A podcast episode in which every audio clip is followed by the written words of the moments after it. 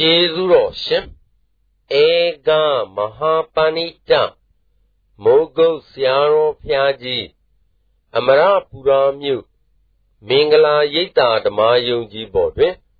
16ရက်တလ60ခုနှစ်၌ဟောကြားဆုံးမတော်မူအပ်သောဒိဋ္ဌိပြုတ်မှနိဗ္ဗာန်မြင်မည်တရားတော် ဒကာဓမ္မတို့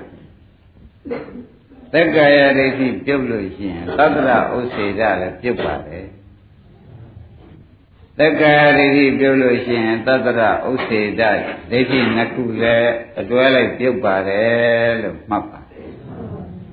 အဲဒီသက္ကာရတိပြုတော့သတ္တရဥစေရအတွဲလိုက်ပြုတ်တဲ့ပြင်မှာသူကပွားလာတဲ့ဒိဋ္ဌိ60နဲ့နှစ်ပါးတွေလည်း အာလုံးပြုတ်တယ်လို့မှတ်ပါဒိဋ္ဌိပြုတ်တဲ့အခါဘာဖြစ်သလဲလို့ဒကာကျွဒကာတစ်တို့မေးလို့ရှိရင်ဒိဋ္ဌိပြုတ်လို့ရှိရင်ဖြင့်မဲ့နဲ့သာပြုတ်ပြီစီသောတာပန်တည်တာပဲလို့မှတ်ပါဒိဋ္ဌိပြုတ်ရင်သောတာပန်တည်တာပဲလို့ဒကာဓမ္မတွေမှတ်ပါကောင်းပြီဒါဖြင့်သောတာပန်တည်တော့ဘာဖြစ်သလဲသောတာပန်တည်လို့ရှိရင်ဖြင့် အရိယသံဃာရဲ့သို့ပါဝင်သွားပြီလို့မှတ်ပါကောင်းပြီဒါဖြင့်ဒိဋ္ဌိပြုမှုနဲ့ဝိပဿနာလုံးမှုကိုမနေ့ကဟောခဲ့တယ်ဒိဋ္ဌိပြုမှုကိုတည်ထားပါဝိပဿနာလုံးမှုကိုနှစ်ကြမှာလုပ်ပါလို့ဆိုတာကိုလည်းလှုပ်ရှင်ပါအောင်ပြောလိုက်တယ် ဒိဋ္ဌိပြုတ်ခြင်းလို့ရှိရင်ဘာနာလည်မှုရှိရမလဲလို့ဆိုတော့ခန္ဓာဖြစ်ပေါ်စေပြိဿသမုပ္ပါနားလည်ရမယ်ခန္ဓာဖြစ်ပေါ်စေပြိဿသမုပ္ပါနားလည်ရမယ်ခန္ဓာဖြစ်ပေါ်စေပြိဿသမုပ္ပါနော်ဖြစ်ပေါ်နေတဲ့ပြိဿသမုပ္ပါမဆိုဘူးဖြစ်ပေါ်စေပြိဿသမုပ္ပါနားလည်ရမယ်ကောင်းပြီဒါဖြင့် ဖြစ်ပေါ်စေပြိဿသမုပ္ပါဆိုတာဘာပါလိမ့်မလဲလို့မေးတော့အခုလည်းတွေ့ပဲညာတွေ့ပဲပြကြပါလို့ဆိုတော့ဘုန်းကြီးကအခုအတန်အဖြစ်ဒကာဓမ္မတွေနားတဲ့ကိုထိကြအောင်အတန်လွှမ်းလိုက်ပါတယ်ဒကာဓမ္မတွေမှာကြားတဲ့ရုပ်ရှိနေသောကြောင့်ကြားတဲ့ရုပ်ကိုသွားထိခိုက်တဲ့တွေ့ပွင့်တတ်တဲ့ကြားရတဲ့နာမခန္ဓာ၄ပါးပေါ်တယ်လို့မှတ်ပါ ဒါဖြစ်ပေါ်စေပရိစ္ဆေသမုပ္ပါလို့ပဲမှတ်လိုက်ပါဒါကြားရတဲ့သဘောနာမခန္ဓာ၄ပါးပေါ်နေပြီလို့သိသိချာချာမှတ်ပါအဲ့တော့ဒီဒါလေးကဘာပါလိမ့်မလို့မဲတဲ့ခါကျတော့ပရိစ္ဆေသမုပ္ပန္နတရားမှတ်လိုက်တာပရိစ္ဆေသမုပ္ပန္နတရားလို့မှတ်လိုက်တာအဲဒီဥစ္စာဒီကားလို့ဆိုလို့ရှိရင် နာမုတ်ပရိစ္ဆေသမုပ္ပါတရားသာဟုတ်၏သဘောကျနာမုတ်အဲပရိစ္ဆေသမုပ္ပါတရားသာဟုတ်၏ဆိုတော့ဩနာမခန္ဓာ၄ပါးပရိစ္ဆေသမုပ္ပါတရားလို့ဒီလိုလေးသိလိုက်ရင်ပဲဒကာဓမ္မတို့တက္ကရာဒိဋ္ဌိအတိအပြင်ပြုတ်သွားပြီလို့မှတ်ပါ၎ င်းကြားတဲ့စိတ်ကလေးတွေဒကာဓမ္မတို့သံဃာ၌ပေါ်ပြီးကြားတာပဲရှိတယ်ကောင်းတာဆိုတာမရွေးတတ်ပါဘူးကုသိုလ်ဖြစ်တယ်အကုသိုလ်ဖြစ်တယ်ဗျာတတ်ဖြစ်တယ်လို့မသိပါဘူး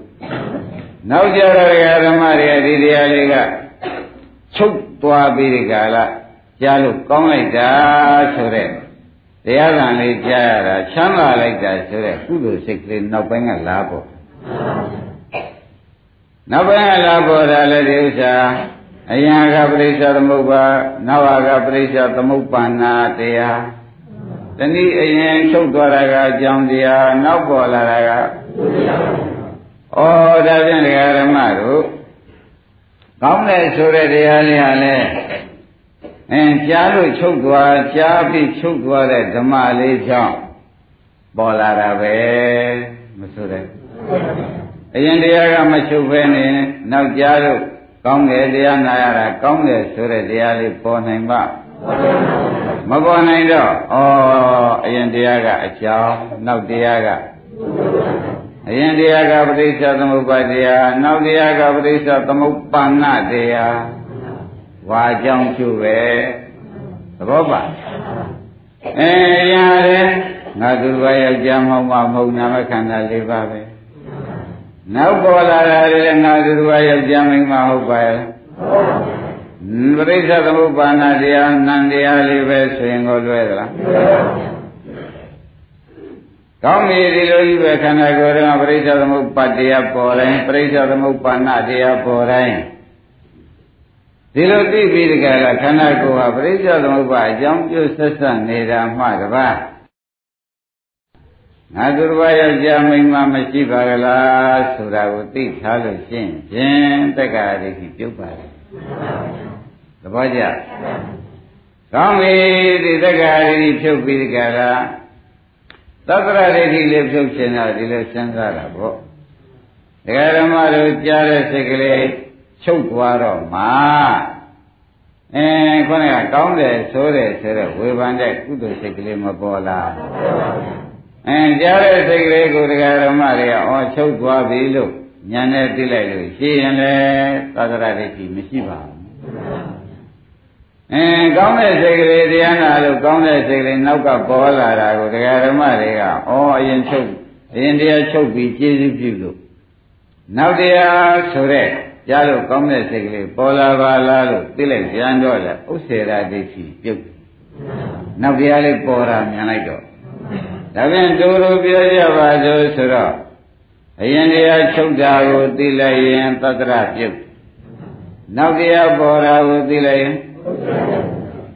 တရားတွေဆက်ပေါ်နေတာပဲလို့သိရင်တက္ကာယပြုတ်သိသိချာချာမှတ်ဒီသုံးလုံးဟာအရေးကြီးပါတယ်အရင်တရားချုပ်သွားတာသိလိုက်ရင် နောက်တရားပေါ်လာတယ်လို့သိရင်ဩအရင်ဟာလည်းတရားပဲနောက်ဟာလည်းတရားပဲလို့သိပြန်တော့သိသိချာချာမှသိသိချာချာမှပါရဂရမတို့တရားရေးကြည့်လို့ပြောနေတယ်ဒါမပါပဲနဲ့အိဋ္ဌဒုက္ခအနတ္တရှုခဲ့တော့မမဆိုင်ဖုံမဆိုင်ဖြစ်မှာတကားကျွဲတကားသိဆိုရည်ပြီးသုံးခေါက်စီအောင်ပြန်ပြီးကြလားဘုန်းကြီးကပဲချီးမြှောက်ပါအောင်မယ် ကြားစိတ်ကလေးချုပ်သွားတာကိုဟောချုပ်သွားပြီတော့ညာနဲ့သိလိုက်ရင်ဘယ်ဒိဋ္ဌိပြုတ်သလဲဩကြားစိတ်ချုပ်သွားလို့တရားကောင်းတာသိတဲ့စိတ်ကလေးပေါ်လာရင်ဥစ္စေရဒိဋ္ဌိပြုတ်တယ်တဲ့ဘာကြောင့်ကြောင်းချုပ်လို့ကျုပ်ပေါ်တော့ပြတ်သွားတာမှမဟုတ်ခဲ့ဘူးဗျအင်းအရင်ကြားတာလဲကြားတဲ့ဓမ္မပဲနောက်ကောင်းတာကောင်းတယ်လို့ပြောတာလဲအင်းကြားကောင်းတဲ့ဓမ္မလေး ပေါ်တာပဲတဲ့ဓမ္မကြီးပေါ်နေတာပဲဓမ္မကြီးချုပ်နေတာပဲလို့သိရင်ဘာပြုတ်ပါလိမ့်မယ်အဲဓမ္မကြီးပေါ်နေတာပဲဆိုလို့ရှိရင်ဖြင့်ဓမ္မပေါ်ရေးဓမ္မချုပ်တာသိလို့ရှိရင်ဖြင့်တက္ကရာရိကပြုံးနေတာဒါပြန်ယနေ့စောစောပိုင်းကပဲခန္ဓာကိုယ်ရဲ့ဘယ်တရားပေါ်ပေါ်ဓမ္မပေါ်တယ်နောက်တစ်ခါပေါ်ပြန်လဲ ဓမ္မပေါ်တာပဲဆိုတော့အဲပရိစ္ဆေသမုပ္ပါတရားနဲ့ပရိစ္ဆေသမုပ္ပါဏတရားဒီနှစ်ခုနဲ့ပေါ်နေတယ်။တနည်းမြန်မာလို့ရှင်းရှင်းပြောလိုက်ပါဆိုတော့အကြောင်းပေါ်လိုက်အကြောင်းချုပ်လိုက်။ဟင်းကျိုးပေါ်လိုက်အကျိုးချုပ်လိုက်ဒါပဲရှိတယ်။ဒီလိုရှိနေလို့ရှိရင်သာသနာတော်မှာဒါလေးကိုသိရရင်ပဲဝိပဿနာမပွားဘဲနဲ့နေုံ600တရားရပါပြီလို့မှတ်ပါ ဝိပဿနာမပွားဘဲနဲ့နေဆောင်600တရားတော့ရပြီမျောသမားမြုပ်သမားတော့မဟုတ်တော့ဘူးလို့သုံးဖြတ်ချက်ချအမတန်ဘုဒ္ဓံသွားပြီလို့ဆိုတာသုံးဖြတ်ချက်ချပါဒါဖြင့်ဒကာဓမ္မတွေခန္ဓာကိုယ်ထဲမှာစားကျင်တဲ့စိတ်ကလေးပေါ်လာလဲဓမ္မပေါ်တာစားကျင်တဲ့စိတ်ကလေးချုပ်သွားပြန်တော့ ဩငါစားကျင်တာငါမစားကျင်ပြန်ဘူးတော့မဟုတ်ပါဘူးဓမ္မပေါ်ရဲ့ဓမ္မချုပ်တာပဲမှတ်လိုက်တာပေါ့ဒီလိုဆိုတော့တက္ကရာရိတိတိညာတပရိညာနဲ့ပြုတ်နေသောကြောင့်သာသနာမှာထောက်ရတရားဖြစ်တဲ့သုလသောတပန်လို့ဆိုတာတခါများရေးတာဒါပါပဲငါပြုတ်သွားတာလေသုလသောတပန်ဆိုကြတာပါပဲ ကောင်းပြီလေခန္ဓာကိုယ်မှာဘယ်တရားပေါ်ပေါ်ဝေဒနာပေါ်တယ်ဩဝေဒနာပေါ်တယ်လို့ဝေဒနာခံစားတာဝေဒနာပေါ်တာပဲအမှတ်တာပညာပေါ်တာပဲတိုက်တွန်းတာစေတနာပေါ်တာပဲသိတာစိတ်ပေါ်တာပဲဒီလိုပေါ်တိုင်းပေါ်တိုင်းသိနေရင်ဘာပြုတ်ပါလိမ့်မလို့တက္ကဟာဒိဋ္ဌိပြုတ်တယ်တကကြွယ်ရ တရားဓမ္မပေါ်တိုင်းပေါ်တိုင်းသိနေရင်ဘာတော့ဩတက္ကဟာဒိဋ္ဌိပြုတ်နေတော့တသံတရားလုံးဟာဒီဥစ္စာငါလုပ်ပြီးဒီကရလာခဲ့ကြတယ်သာကျင်ငါမှတ်တာငါငါတိုက်တွန်းလိုက်တာပဲဒီလိုငါသိတာပဲဒီလိုပဲမလာကြဘူးလားအခုတော့ဖြင့်သာကျနာဝေဒနာမှတ်တာတင်ညာတိုက်တွန်းတာစေတနာဓမ္မတွေပေါ့ဗျာသိတာဒီစိတ် ဝိညာဉ်ပေါ့ဗျာအဲ့ဒီကဲတော့ဓမ္မပေါ်တိုင်းပေါ်တိုင်းဓမ္မပါလားဓမ္မပါလားလို့ဆိုလို့ရှိရင်ဖြင့်တက္ကရာဒိဋ္ဌိကဒကာကျွယ်ဒကာသိပြုတ်ပေါ်လို့မှတ်ထားတယ်အဲ့ဒီလိုဉာဏ်တွေကအသိဉာဏ်နဲ့ပြုတ်ပြီးကာလမှာညာတပရိညာဆိုတဲ့သိမှုနဲ့ပြုတ်ပြီးဒီကာလညာတကသိပရိညာကပိုင်းခြားနော်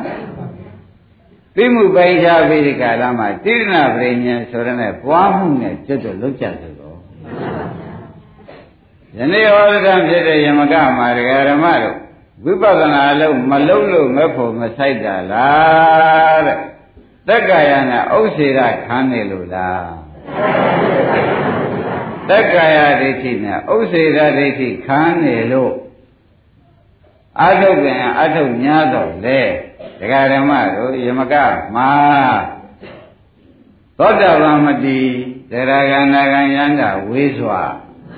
ဒီလိုမဖြစ်ဘူးလားအဲ့ဒါကြောင့်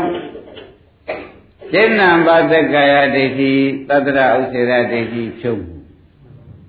ညာတပရိညာနှင့်နိဏံပါရှင်းလင်းပြီးတဲ့ကာလမှာ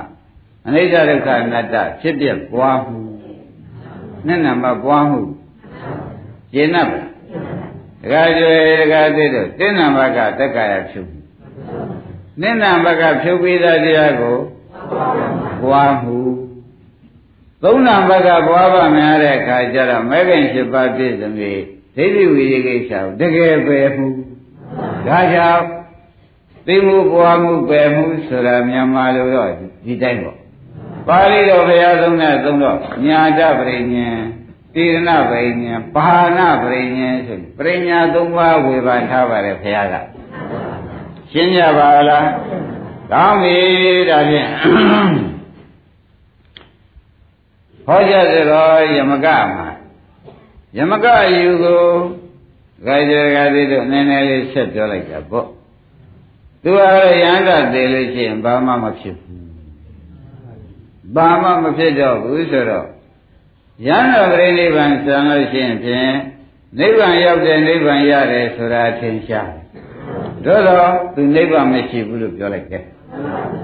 ရဟန္တာသေးရင်ဘာမှမဖြစ်တော့ဘူးဖះဟောတာသူသိပါရဲ့ဒီယူကြီးကိုမစွန့်တော့ကြောင့်ရှင်သာရိပုတ္တရာကဒီတိုင်းမြန်မာလိုစကားသမီးပြောပြီးစွန့်ခိုင်းလို့လည်းရမှာမဟုတ်ပါဘူး ခန္ဓာ၅ပါးထဲမှာယန္တာအရှာခိုင်းမှပဲတော်တော့မယ်ဆိုပြီးမအရှာမခိုင်းဘူးလားဒါနဲ့အဲ့ဒီရှာတဲ့ငါးနည်းလေးယနေ့ထပ်ပြီးဒီကလာမှတ်လိုက်ပါဦးဒါနဲ့ရှင်သာရိပုတ္တရာနေကလာပြောတာနဲ့ဘကကောငါသွားချုပ်ပါမယ်ယမကတကယ်တက္ကရာဒိဋ္ဌိနဲ့ဥစ္စေတဒိဋ္ဌိယူသိပြီးဒီကလာ ညောင်တသင်းစုနေတဲ့ပုဂ္ဂိုလ်ကြီးကိုငါရိဟုသောတရားစစ်သူကြီးမှမနှုတ်ပယ်လို့ရှိရင်ပြန်ပေလေးပါထုတ်ချောက်ရောက်ချီရဲ့သွားမတော်မယ်ဆိုပြီးဒီကလာညနေပိုင်းပဲယမကရှိတဲ့နေရာကိုတခါကျော်တခါတစ်တို့ရှင်သာရိပုတ္တရာသွားသွားပြီးဒီကလာယမကမင်းယူပြောစမ်းပါဆိုတော့ငါကြားတဲ့တညာဟုတ်ပါရဲ့လားဆိုတော့ဟုတ်ပါတယ်ဗျာရဟန္တာသိရင်ဘာမှဖြစ်တော့ဘူး ဆိုတော့ဥစ္စေရရိတိမြည်ဘူးလားအဲ့ဒါနဲ့အာယုံကဒီလိုလည်းမဆိုတတ်ကောဖရာလည်းမဆွဆွဲနဲ့ကောဖရာလည်းဒီလိုမဟုတ်ပါဘူးမင်းကလည်းဒီလိုမြည်ဘူးနဲ့ကွာမဟုတ်ပါဘူးကွာကဲငါစီစစ်သမ်းပါမယ်မင်းရန္တာရှားကြပါစို့ကွာဆိုရန္တာဆိုတာဒီပုဂ္ဂိုလ်တ attva ပဲရန္တာဆိုတာဘာလဲပုဂ္ဂိုလ်တ attva ဆွဲဆွဲတာပဲသဘောကျလားပုဂ္ဂိုလ်သတ္တဝါဆိုဆိုတော့ ခန္ဓာ၅ပါးထဲမှာတခါသိရန္တာရှာခိုင်းပါလေဒကာဓမ္မတွေဘယ်ထဲရန္တာရှာခိုင်းလဲကောင်းပြီခန္ဓာ၅ပါးထဲမှာရန္တာရှာခိုင်းတော့သူရန္တာရှာခိုင်းတဲ့အထက်မှာကျွတ်တို့ညာငါလည်းသက်ဝင်လိုက်တော့ဘယ်အမလုံးတကကျွယ်ဘယ်အမလုံးတကတက်ဆိုလဲကိုယ့်အကိုစစ်စစ်ယူလိုက်တဲ့တော့ယမကရေ မင်းရန္တာတွေရင်ဘာမှမဖြစ်ဘူးဆိုတော့အဲ့ဒီဘာမှမဖြစ်တာသာထားစမ်းပါဦးရန္တာရှာကြအောင်သူဘာမှမဖြစ်တာဆိုတာငေါ့စကားမဟုတ်လားရန္တာရှာကြပါဦးလို့ဆိုတော့ယမကရေယုတ်တရားကိုမင်းရန္တာခေါ်မလားလို့မေးလိုက်ယမကဘယ်နဲ့ဖြေတော့ယုတ်တရားယန္တာမဟုတ်လို့ရှင်ဝေဒနာမင်းယန္တာခေါ်မလားသင်ညာယန္တာခေါ်မလား သင်္ခါရယန္တာခေါ်မလားအဲဝိညာဉ်ယန္တာခေါ်မလားဟောတရားဓမ္မတွေလည်းဒီခန္ဓာ၅ပါးပဲရှိနေတော့ဘယ်ဟာမိမခေါ်မယ်ဘယ်ဟာယောက်ျားခေါ်မယ်လို့ခေါ်ကြပါရဲ့အဲယုံနာဓမ္မတွေပဲရှိမှာပေါ့ဆိုတော့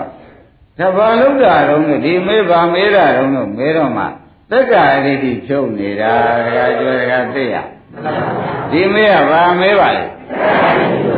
ဝိပဿနာအရှုခိုင်းတာလားတက္ကအရိတိဖြုတ်နေတာလားကြည်ရှင်သာရိပုတ္တရာဟောခြင်းကြည်ဝိပဿနာအလုပ်ကိုမပါသေးဘူးမပါသေးဘူးသူဘာလုပ်နေတယ်ဆိုတာခင်ဗျားတို့သိပြီအဲဘာလုပ်နေတာတက္ကရာရီပြုံးနေတယ်ဆိုတာကျင်납ပါဗလားအဲဒါကြောင့်တရားစတဲ့ကဒကာဓမ္မတွေပြောကြခဲ့ပါတယ် ဘာလေးပေါ်လာလာလာဓမ္မလေးတစ်ခုပေါ်လာတယ်လို့မှတ်လိုက်လို့ရှိရင်တက္ကရာရီပြုံးနေတာပဲဒါကြောင့်တရားဒကာဓမ္မတွေသံတံသာကျင်ဓမ္မဝိကျင်ဓမ္မဤကျင်ဓမ္မပြောကျင်ဓမ္မဆိုကျင်ဓမ္မဒကာကျွဲဒကာတစ်ပေါ်ကျင်လာပေါ်ဓမ္မပေါ်တာပဲပုဂ္ဂိုလ်တ attva ပေါ်တာဟုတ်ပါရဲ့လားအဲအကြောင်းပေါ်တယ်ကျိုးပေါ်တယ်ဒီလိုတော့မှတ်နေတာပေါ့ဗျာ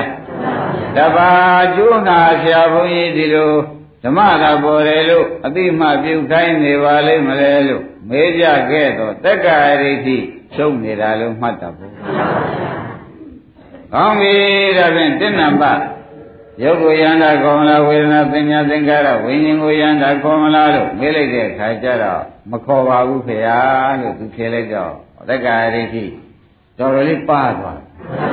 တယ်တော့ရှင်သာရိပုတ္တရာကသိတယ် မကျင်နာသေးဘူးတဲ့ပါရင်ပါသေးတာတက္ကရာရိတိမပြုတ်သေးဘူးပထမမေကွန်ပြီးဒုတိယမေကွန်မေးတယ်အေးဓမ္မကဒါဖြင့်ရုပ်ထဲမှာယန္တာရှိတယ်လို့မင်းခေါ်မလားဝေဒနာထဲမှာယန္တာရှိနေတယ်လို့ခေါ်မလားမကျုပ်ထဲမှာရှင်ငယ်ဗရမများရှိသလားမေးသလို ပေါ့ဗျာရုပ်ထဲမှာများယန္တာရှိသလားလို့မေးနေတယ်သူကဘယ်နဲ့ဖြေတော့အဲဝေဒနာထဲမှာယန္တာရှိသလားသင်ညာထဲမှာယန္တာရှိသလားအဲသင်္ခါရထဲမှာစိတ်ဆိုတဲ့ဝိညာဉ်ထဲမှာအဲဒီမှာလည်းခမရတဲ့သံဃာလည်းခန္ဓာ၅ပါးရှိတာပဲဘယ်ထဲမှာမှရပြမိမှမရှာပါနဲ့မရှိပါဘူးအဲ့တော့ နှစ်နံပါတ်မေခွန်းလည်းသူမရှိဘူးပဲဖြေလိုက်တယ်ကဲသုံးနံပါတ်မေခွန်းကိုတကမေပြန်တဲ့သက္ကာရီပါသွားပြီအရင်နဲ့ပါသွားပြီပါကြရပေါင်းဆိုပြီးကြွယ်ရှင်သာရိပုတ္တရာမေပြန်တဲ့ယမကကိုဟေးယမကယံဒါဖြင့်ယုံမှတပါးကိုယန္တာခေါ်မလားလို့မေးပြန်တယ်ဘယ်နဲ့ဖြေတော့မဟုတ်ပါဘူးလို့ပဲဖြေတယ်ဝေဒနာမှတပါးယန္တာခေါ်မလား သင်ညာမှတပါးယန္တာခေါ်မလားစေနာမှတပါးယန္တာခေါ်မလားစိတ်မှတပါးယန္တာခေါ်မလားဟောသုံးချက်ရှိတော့ယန္တာခေါ်ကြကိုပါရလားသင်ယန္တာသိရင်ဘာမှမဖြစ်ဘူးဆိုတဲ့စကားဟောတိကံဖြစ်ပါ သဘောပါဘယ်နှချက်ရှိပါလိမ့်မလို့သုံးချက်ရှိသွားပြီဒါတက္ကရာတိခွာနေတာဝိပဿနာရှုတာတစ်လုံးမှမပါဘူးမှတ်ပါပါရလားအဲ့ဒါကြောင့်ဒကာကျွယ်တို့ဒကာသစ်တို့ဩရှေ့ရရှေ့ထားလို့ရမယ်လို့ဒီလို့ပါလားဘာကြရှေ့ထားလို့ရမယ်လို့သိပါဗလားကောင်းပြီဒါဖြင့်လေးနံပါတ် ယမကရေတဲ့လေးနံပါတ်မဲ့မဲဦးမယ်ဆိုတော့တက္ကရာကြီးတော်တော်ပါပြီဗျာသုံးကရှင်းလိုက်တာတော်တော်ပါဒါလေးနံပါတ်ရှင်းဖို့မယ်ဆိုပြီးရှင်းရတယ်ယမကရေဒါဖြင့်ရုပ်ဝေဒနာသင်ညာသင်္ခါရဝိညာဉ်ဆိုတဲ့ခန္ဓာ၅ပါးအပေါင်းကိုမင်းရန်တာလို့ဆိုမလားလို့မေးတယ်ဒီလိုလည်းမဟုတ်ပါဘူးခင်ဗျာလို့ဖြေဒီအပေါင်းမေးတဲ့ခန္ဓာ၅ပါးကိုအဘခန္ဓာ၅ပါးအပေါင်းကိုရန်တာခေါ်မလားလို့မေးတော့လည်းဘယ်နဲ့ဖြေ သဘောကျတော့ကောင်းပြီတက္ကရာရိတိ၄မျိုးနဲ့မေးလိုက်ပြန်တော့စိတ်ပြီးမေးလိုက်တော့တော်တော့ကိုပါတယ်ပါတော့ပြီနော်မေးသေးတယ်ငါးခုမြောက်ကြအောင်မေးလိမ့်မယ်တရားဓမ္မတို့ယမကရေဒါဖြင့်ယုံမဟုတ်တာကိုယန္တာဆိုမလားဝေဒနာမဟုတ်တာယန္တာဆိုမလား သင်ညာမဟုတ်တာယန္တာဆိုမလားသင်္ခါရမဟုတ်တာယန္တာဆိုမလားဝိညာဉ်မဟုတ်တာယန္တာဆိုမလားဆိုတော့ခန္ဓာ၅ပါးမှတခြားကိုယန္တာဆိုမလားလို့မေးတာအဲ့တော့ဒီဘယ်နဲ့ပြေပြန်လိမ့်မဟုတ်ပါဘူးဗျာလို့ဖြေလိုက်တော့ဒကာရမတို့ဘုရားငါးချက်နဲ့တက္ကရာကြီးဖြုတ်လိုက်တာအဲရန္တာရှာတွေ့သေးတယ်ဒါဖြင့်ဒကာဓမ္မတွေကိုယ့်အကိုရှာလိုက်တော့ရှင်မိမရဲ့ကြာရှာတွေ့ပါ အဲမတွေ့တဲ့ကံကြာတာပြိဉ္ဆိုတဲ့သိမှုနဲ့သက္ကာရိရှိပြုတ်ပေါ်ဆိုတာအောင်းမိတ်နော်ဒီဓမ္မအဲသက္ကာရိရှိတော့ဖြင့်ညာတပြိဉ္နဲ့ပြုတ်ဖေးတဲ့မကပြုတ်ကြရန်တာတော့ဖြင့်ပျောက်သွားပြီသူဆွဲထားတဲ့ယန္တာတေယံဘာမှဖြစ်ဘုရားတော်မူတာငါသိပါရဲ့ယန္တာတေယံဘာမှမဖြစ်ဘူးဆိုတော့သူ့ယူဟာအခုယန္တာရှာတွေ့သေးရဲ့မတွေ့တော့ ဒိဋ္ဌိပြုတ်ပြီဆိုတာရှင်ပါရိပုတ္တရာကသိ။ကဲဒိဋ္ဌိပြုတ်ရင်ဝိပဿနာအလုပ်ခိုင်းတော့မယ်။ဘယ်ချိန်ကြမှာခိုင်းပါလဲ။သက္ကာရိတုမှဝိပဿနာအလုပ်ခိုင်း။ဩတော်တော်ကိုပဲအလုတ်စင်ညံပေးမှာဖြင့်ဤလောက်တဲ့ကိုတော်ကြီးနောင်လာနောက်သားမရည်စေတော့ဝိပဿနာရှေ့ထားမလုပ်နဲ့တက္ကာယဖြုတ်တာရှေ့ထားဟိဆိုတဲ့ဥစ္စာကို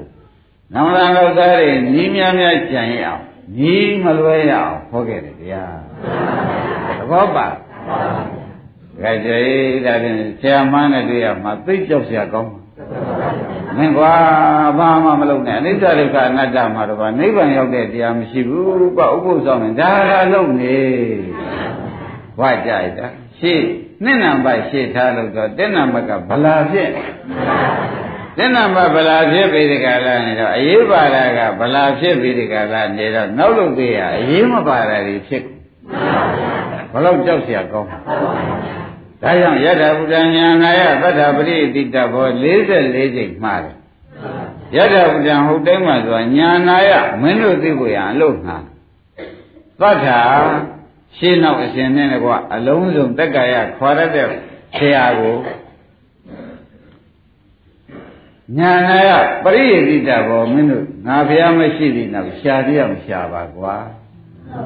အစင်တွေလွယ်ကုန်လို့မင်းတို့ဒုက္ခလာလာကြီးရောက်ပြီးကြလားပင်မတော့ဖေးမရောက်ပဲနေမှာစိုးရင်လုံးတော့44ချိန်မှားသဘောကျဟုတ်တိုင်းမှန်စွာတင့်နှစ်ခွဲပြီးဒီကလာဟောရတဲ့ဆရာအလုတ်စင်ကိုတစ်တစ်ကနှစ်မကျော်ပဲနဲ့အစဉ်တိုင်းသွားပြီးလှုပ်ဖို့ဆရာ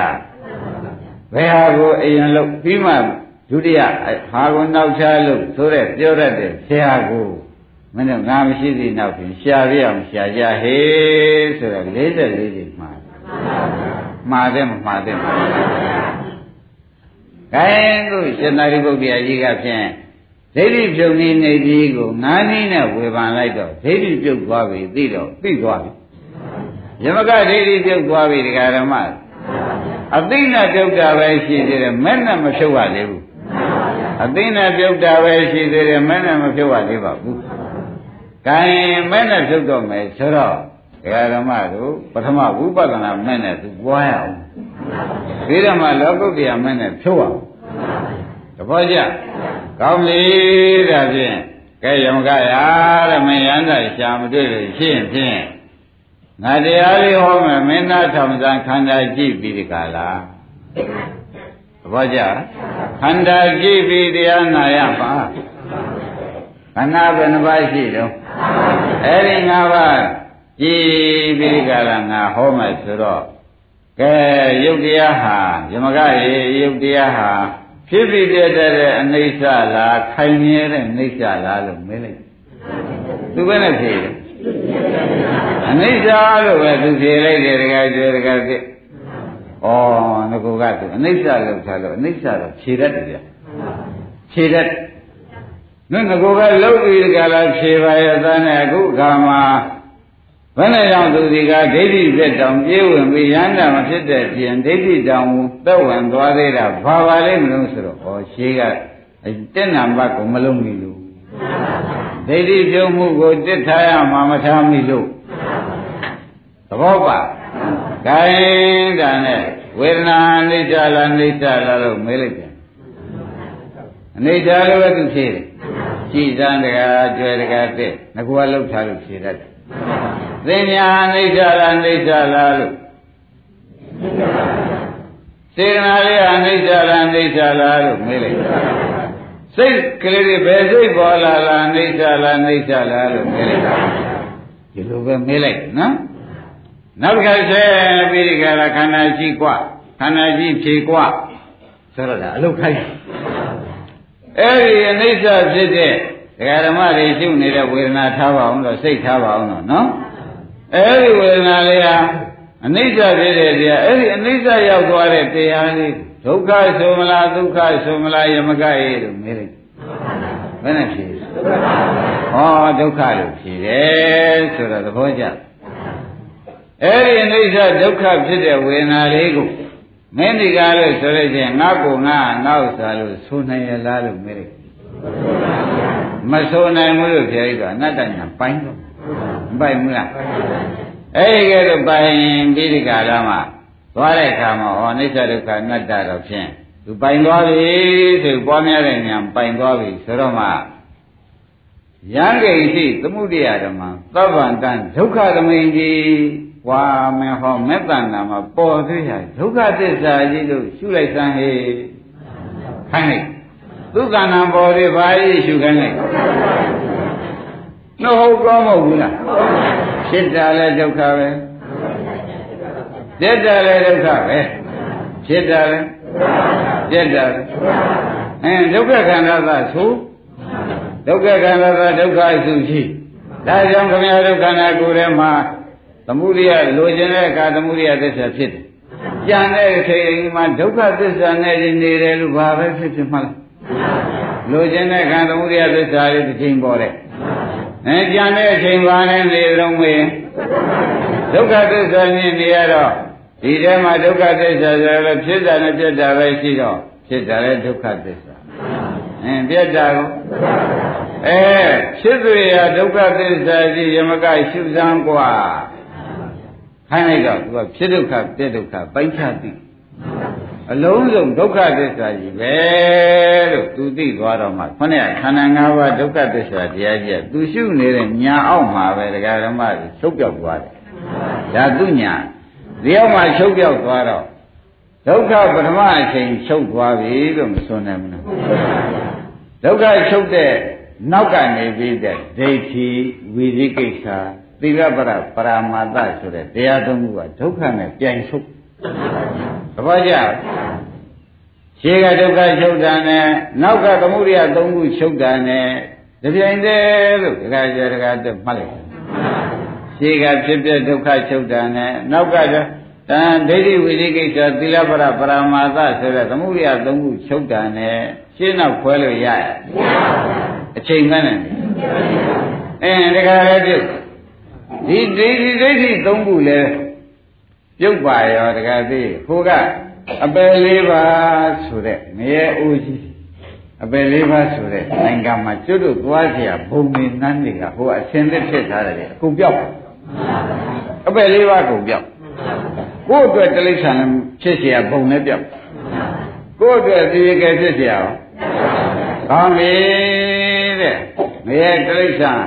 ဒိဋ္ဌာကိုယ့်အတွက်ဒိဋ္ဌာဖြစ်เสียဘုံနေရောအဲကိုယ့်အတွက်ငရဲတွေရောအင်းဟောဒီအကြောင်းပြောက်ဒီအကျိုးပြောက်တပည့်ကြ ဒီဒိဋ္ဌိဝိသိကိစ္စသီလပရပရမာသဆိုတဲ့သမှုရိယသုံးခုပေါ့ဗျာသူတို့သုံးခုကဒီမဲ့လဲလာပါရောဒီမက်ကင်၈ပါးလဲလာပါရောသူတို့သုံးခုကမချုပ်ဘူးလေသူတို့သုံးခုချုပ်တော့အပယ်လေးပါးကချုပ်ရတယ်ဆိုတာသဘောကျဒါပထမနိဗ္ဗာန်ရတာဘယ်လိုဆိုကြပထမနိဗ္ဗာန်ရပြီဆိုတော့ယမကမှာ ရဂိတ်ဟိသမှုတရားဓမ္မသဗ္ဗံတန်ဒုက္ခဖြစ်တာဟူတွေ့ဟာပြက်တာပြက်ဒုက္ခမှာလမ်းဆုံးတာပဲကွဖြစ်ကြတဲ့ကဖြစ်ဒုက္ခမှုအပြက်အပြက်ဒုက္ခနဲ့ကြုံရှာတာလို့နောက်ဆုံးမိတ်ရှင်သာရိပုတ္တရာဏိကုံးချုပ်လိုက်တော့ယမကသောတာပန်တည်တယ်သဘောကျဒါဖြင့်ဓမ္မယမကသောတာပန်တည်တာဒီတိဏ္ဏဘရှင်သာရိပုတ္တရာဘာဟောသလဲ အဖြုတ်ဟောပြီးတော့မှဝိပဿနာအလုပ်ဟောပြီးတော့မှသစ္စာဟောသဘောကျဟောစဉ်သုံးခုကိုလည်းမှတ်လိုက်စမ်းပါဦးတင်းနံပါတ်ဘာဟောတယ်တက္ကရာရိချုပ်ဖို့ပဲအရေးကြီးဟောနင်းနံပါတ်ဘာဟောလိုက်ပါဥပဒနာကိုတခါရအနိစ္စဒုက္ခအနတ္တဖြစ်ပြရှုခိုင်းသုံးနံပါတ်ဘာဟောလိုက်တော့ သစ္စာဒုက္ခသစ္စာပိုင်းခြားဖို့ဟောလိုက်သဘောကျအဲ့ဒီပိုင်းခြားပြီးတဲ့တဲ့ပြိုင်နေတဲ့တဲ့အပေကြစေတဲ့ဒိဋ္ဌိဝိသိကိစ္စသီလပရပရမသချုပ်ချုပ်ရင်ကြောင့်ပယ်လေးပါးဒီဘုရားတရားတွေကောဒါပြန်မဲ့ဒီတရားဓမ္မတို့ဒုက္ခကိုပိုင်းခြားရတဲ့ဒီမဲ့ဖက်သမုဒိယကိုပယ်တော့ အပယ်နိရောဓတဲ့အပယ်တွေချုပ်သွားတဲ့နိရောဓကိုခမညာတို့အပယ်ချုပ်တဲ့နိရောဓကြီးကိုကိုယ်ပိုင်ရလိုက်တာရောဒီမဲ့ပဲမဲ့လေးကိစ္စတင်တယ်လို့ရှင်းမလားခိုင်းဒါဖြင့်ရှေ့ပိုင်းမှာလည်းနိရောဓသစ္စာရှိတာပါပဲလို့ပဲဒါကတော့ဟောနေကြမှာမပြောတော့ပါဘူးနော်တိုင်းယမကကြီးမဲ့ပြီးတော့ကိုຢာတွေချုပ်ကြဆိုမဲ့ပြီးတော့ကိုဖိုးလာတာ ဖိုးပြီးပြစ္ဆကနာလာတော့သောတာပန်မတည်သေးဘူးလားအဲမပြီးဖိုလာတာတော့အကာလီကောကိုဗျမတည်ဘူးသောတရားရလို့ချင်းအကာလီကောခံနိုင်ကျုပ်ပြီးဆိုတော့ဖိုးဆိုတဲ့ဥစ္စာတခါတော့သောတာပန်ကြီးတဲ့ဖိုးလာတာပဲတပည့်ကြဒါဖြင့်ယမကဘာဖြစ်သွားပါလဲမေးရမနဲ့ပြောကြပါမယ်အင်းပရမတက္ကရာရိချုပ်ကန်းဟောတယ် ဒုတိယဥပဒနာရှုကံဟောတယ်တတိယသစ္စာကိုပိုင်းခြားဖို့ရဟောလိုက်တာနဲ့ပဲယမကဖြင့်တခါကျွေတခါသိသောတာပန်ကြည်ပါဘောရှင်းမလားသောတာပန်ဒီရရေဓမ္မတို့ဒိဋ္ဌိဝိသိကိစ္စသီလပရပရမာသပယ်လိုက်တာပါပဲရှင်းပြီနော်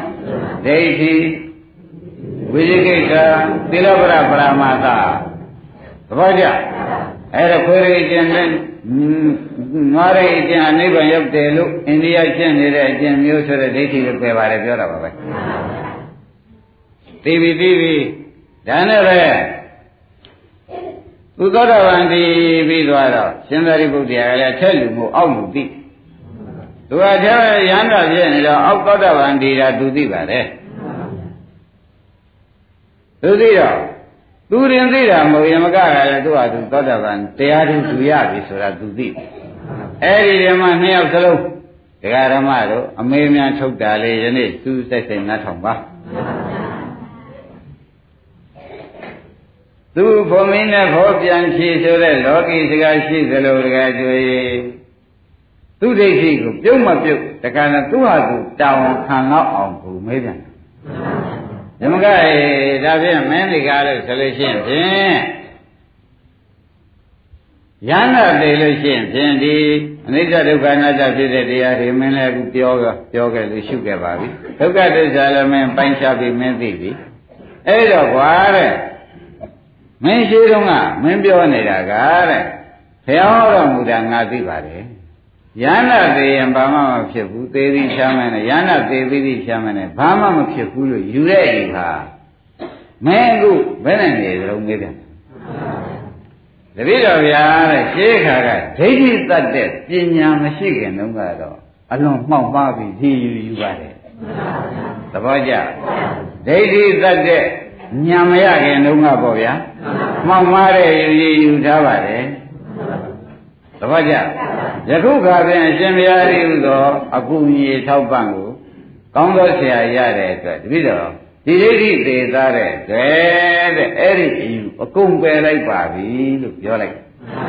ကဲဒိဋ္ဌိဝိသေသသီလပရပရမတ္တပယ်တော့သူကိုယ်တိုင်ထုတ်ပြောသင်ရှားလား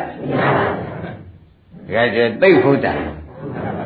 ဒီယူသူမရှိပါဘူးတဲ့အရင်တော့ကမသိခင်အဝိဇ္ဇာများတော့က ဒိဋ္ဌိများတော့ကသူဖြစ်နေတဲ့အယူပါအခုဒီအယူတွေတော့လုံးဝမယူတော့ပါဘူးလို့သူကိုယ်တိုင်ပဲတောင်းခံလိုက်ဒါနဲ့ပဲဒကာဓမ္မတို့ဒိဋ္ဌိဝိသေကိစ္စသီလပရပရမတ္တ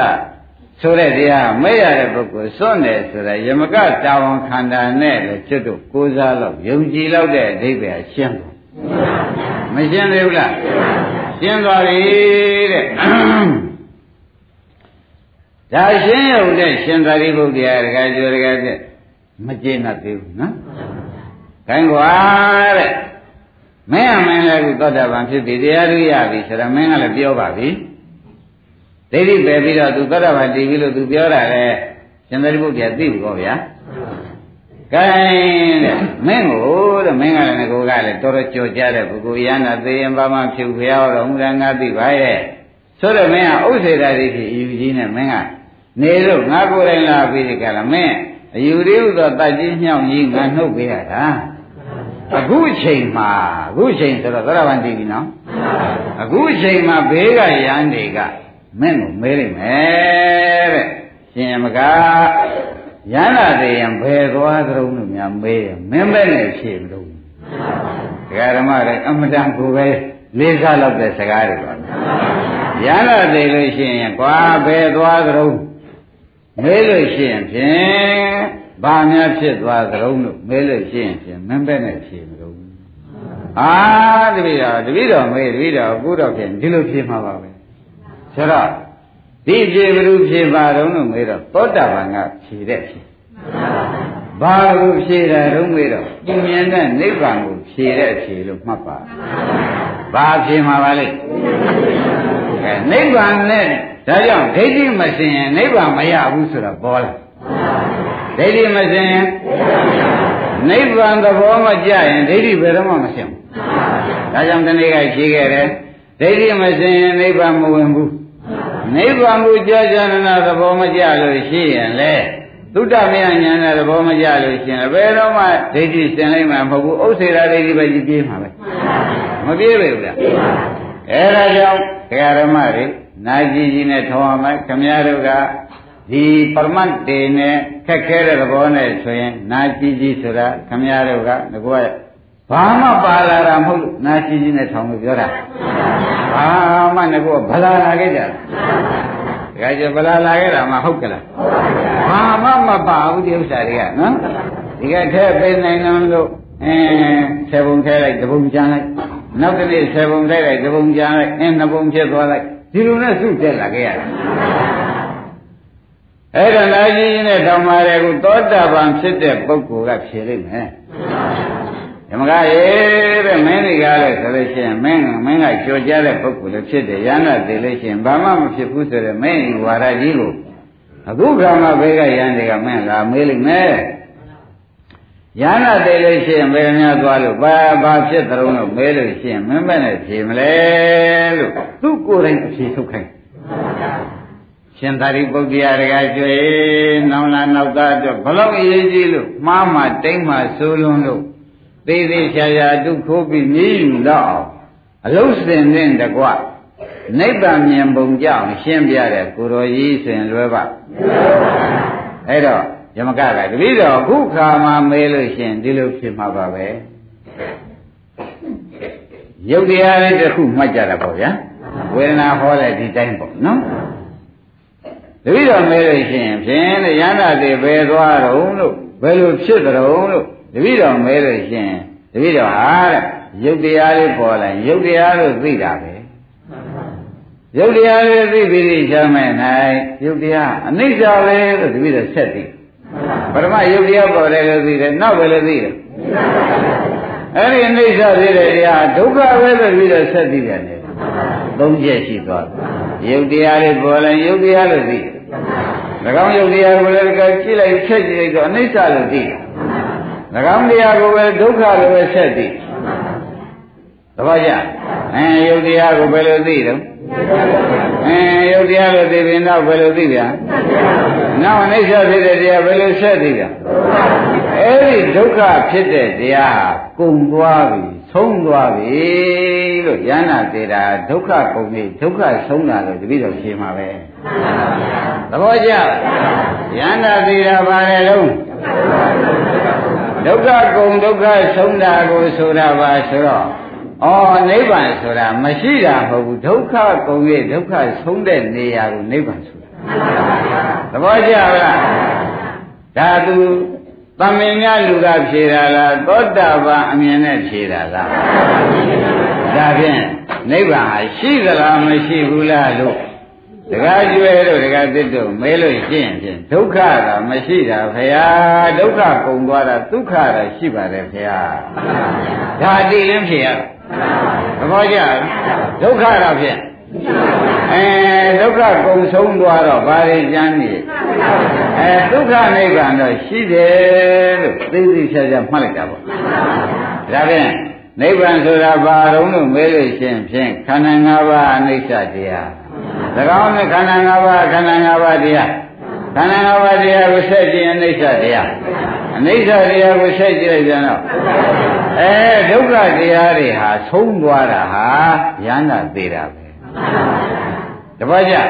ဒုက္ခတရားဆုံးသွားတာအဲဒါဖြင့်ဒုက္ခဆုံးတာယန္တာတို့ဤရောက်ရနိဗ္ဗာန်တပည့်ကြအဲဒုက္ခဆုံးရပါပါလိမ့် ယန္တာရေရောက်ရနိဗ္ဗာန်ဆိုတော့နိဗ္ဗာန်ဆိုတာဒုက္ခကဆုံးသွားတာဒကာရမတို့ဒုက္ခရှိတယ်ဆိုတာသဘောကျဒါကြောင့်ရှင်သာရိပုတ္တရာကပဲအခုကတန်ရုပ်ဟောတာအခုနောက်ပြောမှလေးတူတူလေးကအင်္ဂုတ္တမလာအင်္ဂုတ္တမလာတဲ့ဒါလေးကိုထောက်ခံချက်ပေးခြင်းလို့ဈာသွန်းလိုက်တယ်တကယ်ကျဈာသွန်းလိုက်တယ်နော် ရှင်သာရိပုတ္တရာကိုပြိုင်ပုံနာတွေကမေးတယ်ရှင်သာရိပုတ္တရာရှင်ဘုရားဘုရားကလည်းညာညာမှာကျင်ငါအောက်သူတယောက်သာရှိတယ်လို့ပြောတယ်အဲ့ဒါတပည့်တော်ကလည်းပညာရှိတွေဖြစ်တယ်ရှင်ဘုရားဒုက္ခနဲ့ဒုက္ခရှင်းရှင်းလင်းလင်းတူတူနဲ့မအောင်ပြောစမ်းပါအဲ့ဒီလိုမေးလိုက်တဲ့အခါမှာရှင်သာရိပုတ္တရာကနောင်တပံဖြစ်ရရင်ဒုက္ခกว่าနောင်တပံမဖြစ်ရရင်ဒုက္ခกว่าသဘောကျ ဒီမာရိယာဓမ္မတို့ဒီခန္ဓာ၅ပါးဒုက္ခသစ္စာတရားမဟုတ်ဘူးနောက်တစ်ပါးမဖြစ်ရင်ဘာဆိုကြမလဲအဲ့ဒါနိဗ္ဗာန်ပဲခန္ဓာတော့မရှိဘူးခန္ဓာရှိရင်ဒုက္ခသစ္စာရှိတယ်ဒါဖြင့်ဒုက္ခသစ္စာခန္ဓာမရှိသဘောရဒုက္ခဓမ္မသက်သက်ရှိသဘောကျဒုက္ခသစ္စာခန္ဓာတော့ဒုက္ခဓမ္မသက်သက်တော့ ဒါရင်နိဗ္ဗာန်ကြီးအချိဘိက္ခွေလို့ဥဒန်းပါဠိတွေကတခါကိုးချိုက်နိဗ္ဗာန်သိချာရှိတယ်ကွာသဘောကျကောင်းပြီတဲ့ဘုန်းကြီးတို့ဓမ္မတွေဩရှင်ယမကကဖြေရကလည်းကြောင်းဒုက္ခနောက်တစ်ပါးမဖြစ်တာဒုက္ခလို့ရှင်သာရိပုတ္တရာကအင်္ဂုတ္တမှာထောက်ခံလိုက်တာကလည်းကြောင်း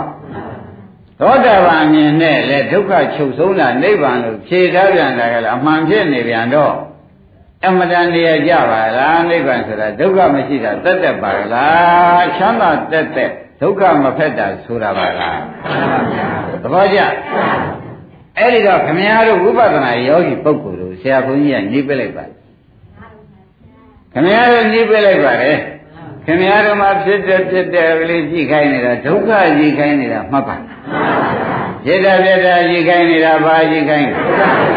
အဲ့ဒီဒုက္ခကိုမုန်းအောင်လိုက်ဆုံးအောင်လိုက်လို့သင်မထားလားအဲဆုံးလို့ရှိရင်ဖြင့်ဒုက္ခဆုံးတာနိဗ္ဗာန်တပည့်ကြဒုက္ခဆုံးတာနိကောင်းကောင်းရှင်းမလားကောင်းပြီဒုက္ခဆုံးတော့ဘာဆုံးတာတုံးလို့မဲတဲ့အခါကျတော့ခမည်းတော်ပြိဿသမုပ္ပါကြီးဒုက္ခခန္ဓာသနိရောဓဟောတိဟောပြိဿသမုပ္ပါလည်းဝင်ထောက်ခံ ဒုက္ခခန္ဓာသာဒုက္ခအစုကြီးနိရောဓချုပ်ခြင်းသည်ဟောတိနိဗ္ဗာန်ဖြစ်ဒုက္ခခင်ဗျားတို့ကရွတ်တာနေတာဒါနိဗ္ဗာန်ဆိုတာလည်းဘယ်သူမှမပြောဘူးသအခုတော့သိကြလားဒုက္ခခန္ဓာကဒုက္ခစုကြည်နိရောဓချုပ်ခြင်းသည်ဟောတိနိဗ္ဗာန်ဖြစ်ဒုက္ခတွေချုပ်တာပါခေါ်တဲ့အဲပရိစ္ဆေမောဟပါဠိတော်နဲ့ဒီတိုင်းမပါလားရှင်သာရိပုတ္တရာကလည်းနောက်ထပ်မဖြစ်တာပါတဲ့ အဲခင်ဗျားတို့ရှုတဲ့အခါမှာလည်းနောက်ထပ်မဖြစ်ပါဘူးအဖြစ်ပြည့်ခြင်းတွေ့ပါဘူးဘုရားရှင်နိဗ္ဗာန်ရှင်းမလားသေးသေးချာချာဩတို့နိဗ္ဗာန်မှာရောက်ကလားမရောက်ဘူးလားဆိုတာကိုယ့်ဟာကိုယ်ဆုံးဖြတ်ချက်ချနိုင်အောင်ဒကာရမတို့ခေါင်းကဖြစ်ပြဒုက္ခဖြစ်ပြဒုက္ခသစ္စာအဲ့ဒီဒုက္ခသစ္စာကြီးမတွေ့ပါဘူးဆိုတဲ့ဒုက္ခချုပ်လို့ပေါ့ဒုက္ခချုပ်တာပါခေါ်ကြအဲ့ဒါ ရှင်မလာကဖြစ်လိုက်တာလေကျင်တရားအနိစ္စတရားထိုတရားဒုက္ခပါပဲအဲ့ဒီဒုက္ခမရှိဘူးပုံသွားတာကိုယန္နာသေးတယ်ဒုက္ခကုန်တာလို့တပည့်တော်ဖြေပါတယ်လို့ဆိုတဲ့ကသိချဘူးလားဒါနိဗ္ဗာန်ပဲလို့သိချထောက်ခံရပေးတော့တယ်တခါကျွနေရကြကောင်းပြီဒါဖြင့်နိဗ္ဗာန်ဆိုတာဘာတုံးလို့မဲလို့ရှိရင်ဖြင့်အကျင့်တရားအကျင့်ခန္ဓာကိုယ်ကြီးကအနိစ္စတရား ထိုတရားကိုဆက်ကျင်ပါလိမ့်မယ်အဲ့ဒါကြီးကြည်မှတ်တယ်နဲ့ဒုက္ခပိုင်းခြားလိုက်တယ်နဲ့ဆုံးသွားလို့ရှိရင်ဘာခေါ်ကြဒါဖြင့်ရဟန္တာသေးတာဘာပါလိမ့်မလို့ဒုက္ခဆုံးတာဘုရားပရိနိဗ္ဗာန်စံတော်ဒုက္ခဆုံးတာပဲသဘောကျဘုရားပရိနိဗ္ဗာန်စံတော်ဒါဖြင့်ပဋိစ္စသမုပ္ပါပါဠိတော်ရိုးကြည့်လိုက်တာနိရောဓပါဠိတော်မယ်နော် ဧဝမေတ္တကေဝလသဒုက္ခခန္ဓာသဗါတဲ့နိရောဓဒုက္ခဆိုပြီးချုပ်ပြီလို့ပြောပဲဒုက္ခခန္ဓာသာဒုက္ခရှိနိရောဓချုပ်ခြင်းသည်ဟောတိနိဗ္ဗာန်ဖြစ်၏ဒုက္ခချုပ်သွားတာဘာခေါ်ကြဩနိဗ္ဗာန်ဆိုတာဒုက္ခချုပ်တာကိုဆိုတာကိုဘာမှမရှိတာဆိုတာမဟုတ်ပါလားရှင်းမလားနိဗ္ဗာန်ဆိုတာဘာမှမရှိတာလားဒုက္ခချုပ်တာလား အင်းဒါဖြင့်ဘုန်းကြီးတို့ဒကာဓမ္မတွေရှုပါခန္ဓာကိုယ်ထဲမှာပရမဖြစ်ဖြစ်ဒုက္ခမယံရှိနောက်ဖြစ်ဖြစ်ဒုက္ခကိုမောအောင်ရှိနောက်ကျတော့ဖြစ်ဖြစ်ဒုက္ခဆုံးအောင်ရှိဆိုတော့သစ္စာပိုင်းခြားလိုက်တော့ဆုံးသွားဘူးအဲဆုံးသွားတဲ့အခါကျတော့တပည့်တော်ဗျာညာလေးပဲကြံရတော့တယ်ဘာမှထဲဆုံးရှာမတွေ့တော့ပါဘူးလို့ပြောဘူးလား အဲဒါဘာဆုံးသွားတာပါလဲအဲဒုက္ခဆုံးသွားတာဘာကိုကြဟိုဒုက္ခခန္ဓာသနိရောဓဒုက္ခခန္ဓာသဒုက္ခသုတိကြီးနိရောဓချုပ်ခြင်းဝါဆုံးခြင်းသည်ဟောတိနိဗ္ဗာန်ဖြစ်၏ကိုသိကြသေးဘူးလားအဲပါဠိတော်ခင်ဗျားတို့တရားရှာနေလွယ်တရားရှာနေတကကျွယ်ခင်ဗျားတို့စောက်တွေတောင်းလာမြောက်လာလှမ်းနေရတယ်ခင်ဗျားတို့ ဝိရစင်နဲ့ညာတိုင်းရောနေတဲ့ဒုက္ခခန္ဓာတဒုက္ခစိတ်နိရောဓချုပ်ခြင်းဒီဟောတိနိဗ္ဗာန်ဖြစ်တာအဲ့ဒါမှတ်တာဒုက္ခချုပ်သွားတာပါကောင်းသိကြသေးဘူးလားဒါဖြင့်ယမကကသူဟာတဲ့ရဟန္တာသေးတယ်ဆိုတာတခြားမဟုတ်ပါဘူးမင်းပဲရဟန္တာသေးတာဘယ်သွားတော့လို့တပါးသောရဟန်းတွေကမေးရင်မင်းပဲနဲ့ဖြေမလို့ဆိုတော့အကျဉ်းယူပက္ခန္ဓာတရားခန္ဓာ၅ပါးအနိစ္စတရားခန္ဓာ၅ပါးခန္ဓာ၅ပါးတရား၎ င်းတရားဒီရှုလိုက်တဲ့အခါအနိစ္စတရား၎င်းအနိစ္စတရားဒီကားလို့ဆိုရင်ဒုက္ခတရားအဲဒီဒုက္ခတရားချုပ်တယ်ကင်းတယ်လို့တပည့်တော်ဖြေမှာပဲ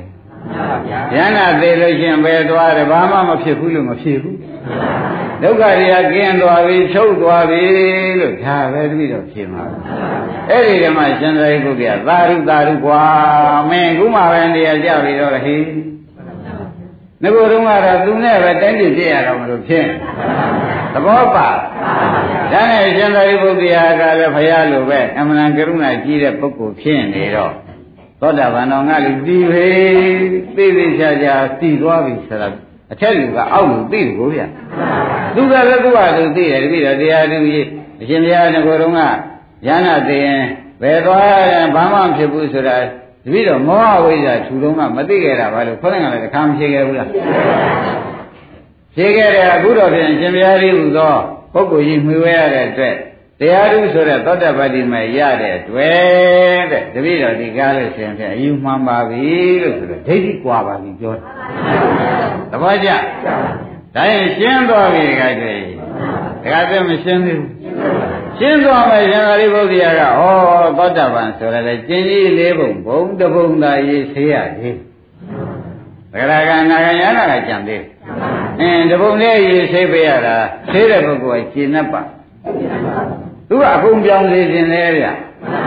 အကုန်ပြောင်းစေခြင်းလားတပုံလေးရေဆေးထားတော့သူရှင်း납ကဒါဖြင့်သုံးပုံပါငါဆေးမယ်ဆိုတဲ့စိတ်ကရှင်သာရိပုတ္တရာသဏ္ဍာန်ပေါ်လာတယ် သရဂနာဂယနာကြည့်အောင်မဲ့ငါနီးပြအောင်မဲ့ဟောမယ်ဆိုတဲ့စိတ်ပေါ်လာတယ်သဘောကျဘလောက်ကရုဏာကြီးတယ်ဆိုတာသဘောကျ